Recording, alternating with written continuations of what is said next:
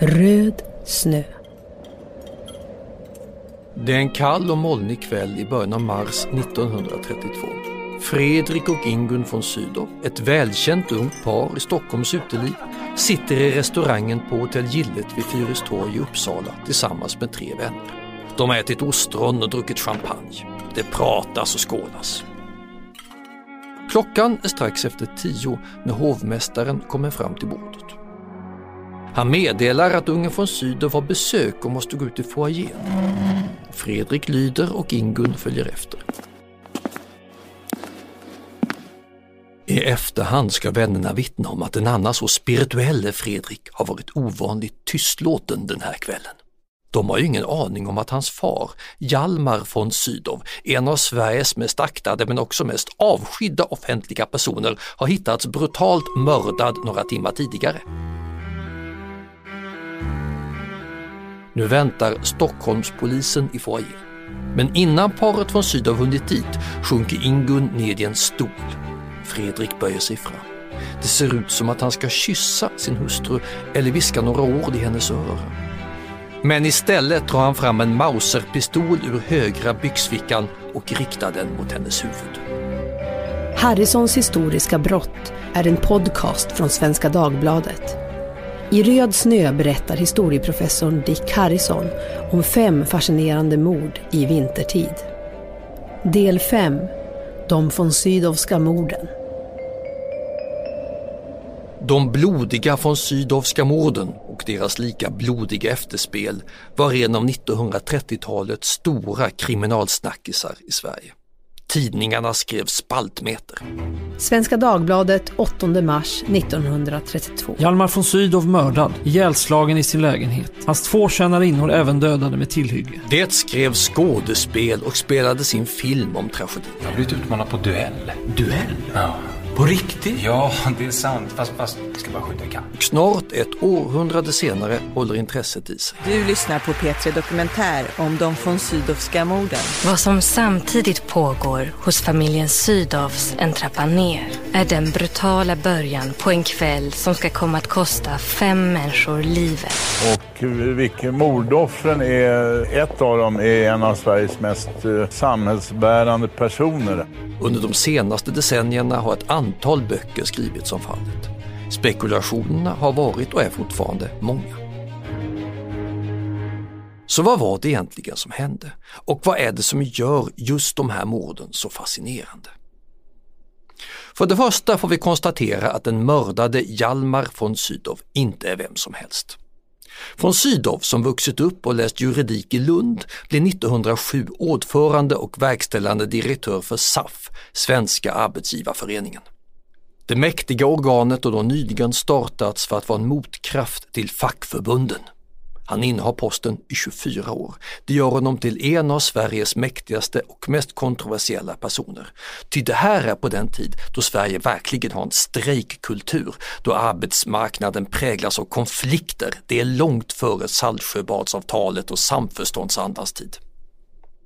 En av de sista händelserna innan han lämnar chefskapet på SAF är de så kallade skotten i Ådalen 1931. De anställda vid Marmaverken strejkar i protest mot lönesänkningar och när strejkbrytare kallas in väcker det stor ilska. Statsminister C.G. Ekman ringer och vädjar till SAF att dra tillbaka strejkbrytarna för att lugna stämningen. Men von Sydow säger nej och konflikten utmynnar i att militär öppnar eld mot demonstrerande arbetare. Fem personer dör. Efter detta kommer militär, så vitt vi vet idag, aldrig mer sättas in mot en demonstration i Sverige. Hjalmar von Sydow är alltså arbetarrörelsens fiende nummer ett. Men han har samtidigt också en politisk karriär. Sedan 1916 är han ledamot av första kammaren där han, kanske inte så förvånande, representerar högern. Han är medlem av lagutskottet och ledamot av Statens industrikommission, Arbetsrådet och Arbetsdomstolen. Och som om detta inte vore nog kommer han dessutom från en av Sveriges mest inflytelserika familjer. Under första hälften av 1900-talet fanns det gott om von Sydowar i svensk politik och svensk kultur. Och alla var på ett eller annat sätt släkt med varandra, ättlingar till en tysk immigrant som på 1720-talet slagit sig ner i Kalmar. Carl Wilhelm von Sydow var en av Sveriges ledande folklivsforskare och far till skådespelaren Max von Sydow.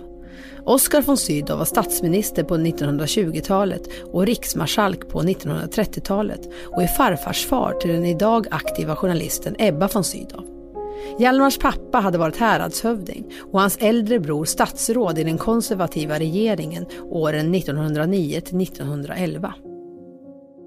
Men om Hjalmar von Sydows karriär är imponerande så har han ett betydligt mer problemtyngt privatliv. Hans hustru Rut är nervsjuk, ofta sängliggande och starkt beroende av morfin. 1926 avlider hon, 51 år gammal, och gör Hjalmar till enkling med fyra barn, tre döttrar och en son. Det tredje barnet och enda sonen heter Fredrik. Tanken är att han ska gå i fars och farfars fotspår och bli jurist. Det är alltså inte hans egen tanke. Fredrik är mer intresserad av filosofi. Det är pappa Hjalmar som bestämmer. Fredrik har många charmerande sidor. Han växer upp till en världsvan, berest och beläst yngling och kan göra bra ifrån sig i skolan.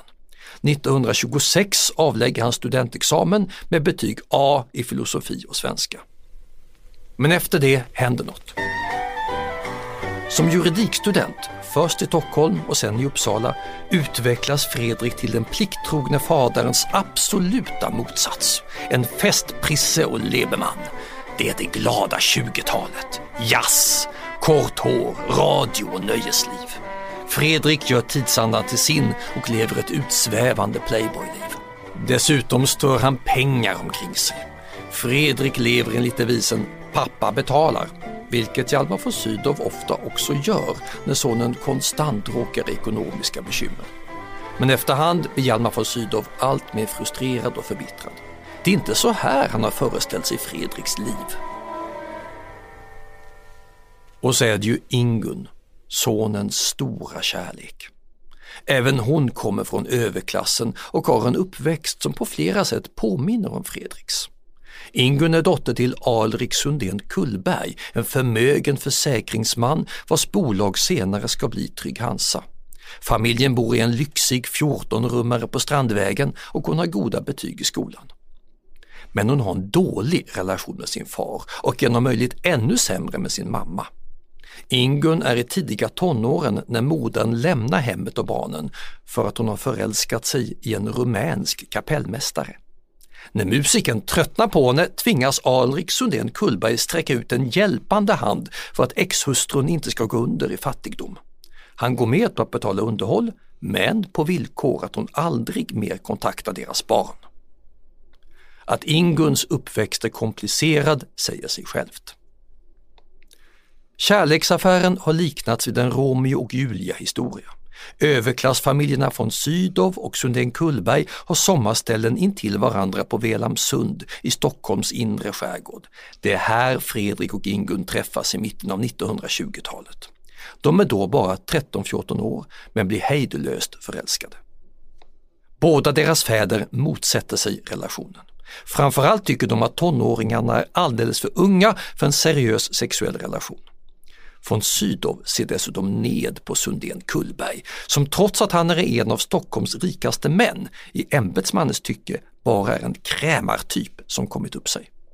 Sundén Kullberg å sin sida misstror von Sydows och betraktar Fredrik som en farlig slarver. Ungdomarna gör uppror och det med besked. Redan när Ingun går ut gymnasiet är hon gravid. Hon och Fredrik ser intensivt fram emot att gifta sig, men det vägrar de blivande far och morfäderna att acceptera. De tycker att graviditeten är en skam och skickar Ingun till Milano. Att en ogift kvinna födde barn ansågs vid den här tiden skamligt och oäkta barn hade inte heller samma rättigheter som andra barn. Först 1970 fick barn födda utanför äktenskapet full arvsrätt efter sina fäder. Abort skulle inte bli tillåtet förrän 1938 och då bara i vissa särskilda fall. Därför var det inte ovanligt att de nyfödda lämnades bort. Ogifta kvinnor kunde till exempel skickas iväg för att bo och föda hemma hos en annan kvinna som sen tog hand om barnet mot betalning. I Inguns fall gick resan till Italien där bebisen skulle överlämnas till hennes styvmors syster. En av Fredriks systrar hade tidigare gått igenom samma sak.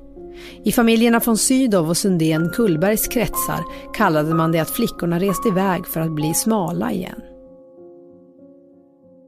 Dottern Monica von Sydow ser dagens ljus den 6 juli 1928 och tas om hand av styvmoderns syster, alldeles som planerat. Men Fredrik och Ingun har egna planer.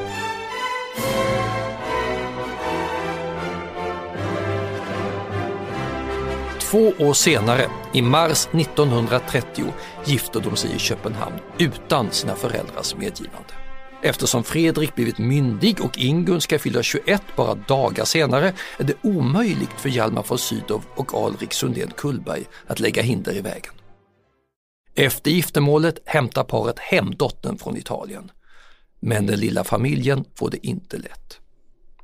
Fäderna vägrar stötta dem ekonomiskt vilket gör att Fredrik och Ingun inte har råd att flytta ihop. Fredrik tar det mycket hårt. Han kan inte leva som en vanlig pappa till lilla Monica eftersom hon bor med sin mamma. Föräldrarna får istället träffas på krogar och danspalats och det gör de, ofta. Familjelivet blir ett festliv. Finding your perfect home was hard, but thanks to Burrow, furnishing it has never been easier.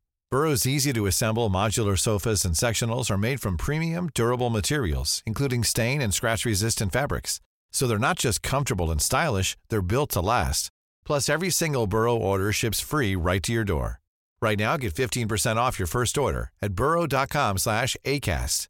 That's 15% off at burrow.com slash ACAST. Ett år efter vigseln händer något som ytterligare spär på Fredriks bitterhet. Efter en alkoholstinn tillställning ligger han och sängröker i sin studentlägenhet i Uppsala. Han har vid det här laget blivit en vin och spritkonsument av rang, en barägarnas gunstling. Senare ska det även gå rykten om ett vidlyftigt kokain och morfinmissbruk, men det har aldrig kunnat beläggas. Den här natten somnar Fredrik och när han vaknar är det att lägenheten håller på att brinna upp. Han tvingas kastas ut från tredje våningen. Han faller 7-8 meter och drar sig djupa krosshår och skallskador och måste tillbringa två månader på sjukhus. Ur Svenska Dagbladet 26 mars 1931. Uppsala lördag. En bostadsvåning två trappor upp i hörnet av Stora torget och Svartbäcksgatan härjades natten till lördagen av eld. Elden upptäcktes då våningens innehavare, juridikstudent Fredrik von Sydow, som tydligen under sömnen överraskats av elden, under rop om hjälp kastade sig ut genom ett fönster ned på torget, varvid han skadade sig så svårt att tillståndet betecknas som mycket kritiskt. Sådan är situationen i Hjalmar von Sydows familj den eftermiddag den 7 mars 1932 då släktens öde ska komma att förändras för alltid. Klockan är strax efter fyra när unga Monica Schwarz kommer hem till den von Sydowska våningen på Norr Mälarstrand 24. Hon är Fredriks kusin och alltså inte samma Monica som är hans och Inguns dotter utan bara tillfälligt inneboende hos familjen. Det första Monica Schwarz ser är Ingun som håller på att torka upp något rött från golvet. Rödvin, påstår Fredrik som också är där. Sedan ger paret lite pengar till Monica Schwarz som då säger att hon och Marianne, Fredriks lilla syster, ska gå ut och roa sig med. Därefter lämnar Fredrik och Ingun våningen. Monica Schwarz inser att något är fel. Hon hör märkliga rosslingar och kvidanden. En stund senare kommer Marianne hem och tillsammans konstaterar flickorna att dörrarna i våningen är låsta. De ringer några vänner för att få hjälp och när vännerna kommer ringer de i sin tur polisen. Poliserna bryter upp dörrarna och hittar tre lik. I Hjalmar von Sydows rum ligger det 24-åriga hembiträdet Ebba Hamn. I den 63-åriga kokerskan Carolina Heros rum ligger Hjalmar von Sydow själv, ihjälslagen. Han ligger på rygg med näsduk i munnen. Kokerskan sitter i en stol framför fönstret, misshandlad till döds. Det står snabbt klart att de alla har dödats genom hårda slag mot huvudet. Och mördaren, resonerar polisen, kan inte vara någon annan än Fredrik von Sydow. Fredrik och Inguns dotter Monica von Sydow var bara tre och ett halvt år vid tiden för morden. Ändå sa hon i efterhand att hon kom ihåg hur hon den dagen åt middag hos morfar Alrik Sundén Kullberg på Strandvägen. Medan man satt vid bordet ringde det på dörren och två herrar bad att få tala med morfadern. Han reste sig och gick ut. Och efter den stunden ville ingen i hennes släkt någonsin höra talas om Fredrik och Ingun igen. Monica von Sydow levde fram till år 2014. I en intervju med Svenska Dagbladets Karin Thunberg 2006 förklarade hon att tragedin hade präglat hela hennes liv. Jag blev mina föräldrars försvarsadvokat, sa hon. Varför och hur begicks de från Sydowska morden? De frågorna har aldrig fått några säkra svar. Det är omöjligt att fastställa i vilken ordning morden begicks, vem som dödades först. Först trodde polisen att mordvapnet var ett järnrör som Fredrik köpt samma dag, men senare har man kommit fram till att det mest sannolika är att alla tre i lägenheten dödades med ett strykjärn. Ett sådant saknades bland hushållsattiraljerna, antagligen eftersom Fredrik tagit med det ut efter att han begått morden. En rimlig gissning är att han slängde det i vattnet. Något självklart motiv har heller aldrig framkommit. De flesta som spekulerat i orsaken till morden har pekat på Fredrik von Sydows alkoholproblem och ekonomiska bekymmer. Det ryktades att han hade lånat pengar av ockrare och polisutredningen fann att han vid mordtillfället hade tagit faderns plånbok som innehöll 235 kronor, motsvarande drygt 7000 kronor i dagens penningvärde. Men varför döda hembiträdet och kokerskan? Ville Fredrik röja undan obekväma vittnen? Eller försökte kvinnorna hejda honom från att begå ett brott? Kan det rent av ha varit så att tjänstefolket dödades först? Att de sökte stoppa Fredrik från att stjäla sprit eller pengar och att Fredrik slog ihjäl dem under ett slagsmål? Ingen vet, men det är välkänt att kokerskan och hembiträdet tyckte illa om Fredrik. Svenska Dagbladet den 9 mars 1932. Rörande Fredrik von Sydows karaktär och lynne, i den mån dessa icke är kända genom hans tidigare riksbekanta bravader, har eder korrespondent försökt skaffa sig en uppfattning i samtal med kamrater till honom. Han betecknas som en asocial individ som icke tog några som helst hänsyn, särskilt i berusat eller retat tillstånd, utan gjorde vad som föll honom in. En kall egoist utan några betänkligheter. Advokaten och författaren Anders Frigell har gått till botten med fallet i boken Von Sydow-mordens gåta. Han menar att många av de mörka ryktena om Fredrik von Sydow inte kan beläggas. Det finns inga skäl att tro att han led av personlighetsstörning eller att han var narkoman.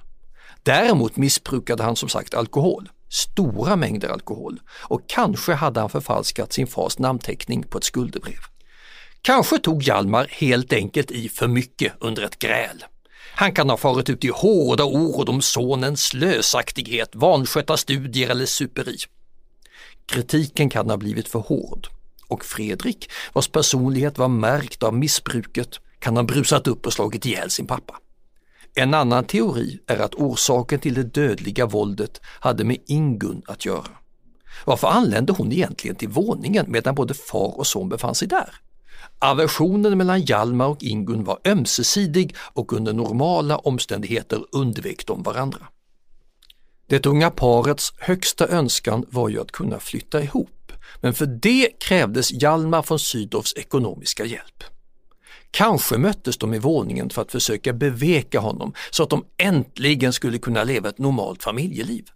Om Hjalmar då, trots deras böner, fortsatt att vägra kan Fredrik mycket väl ha drabbats av raseri, ett så sjukligt raseri att vreden gick överstyr.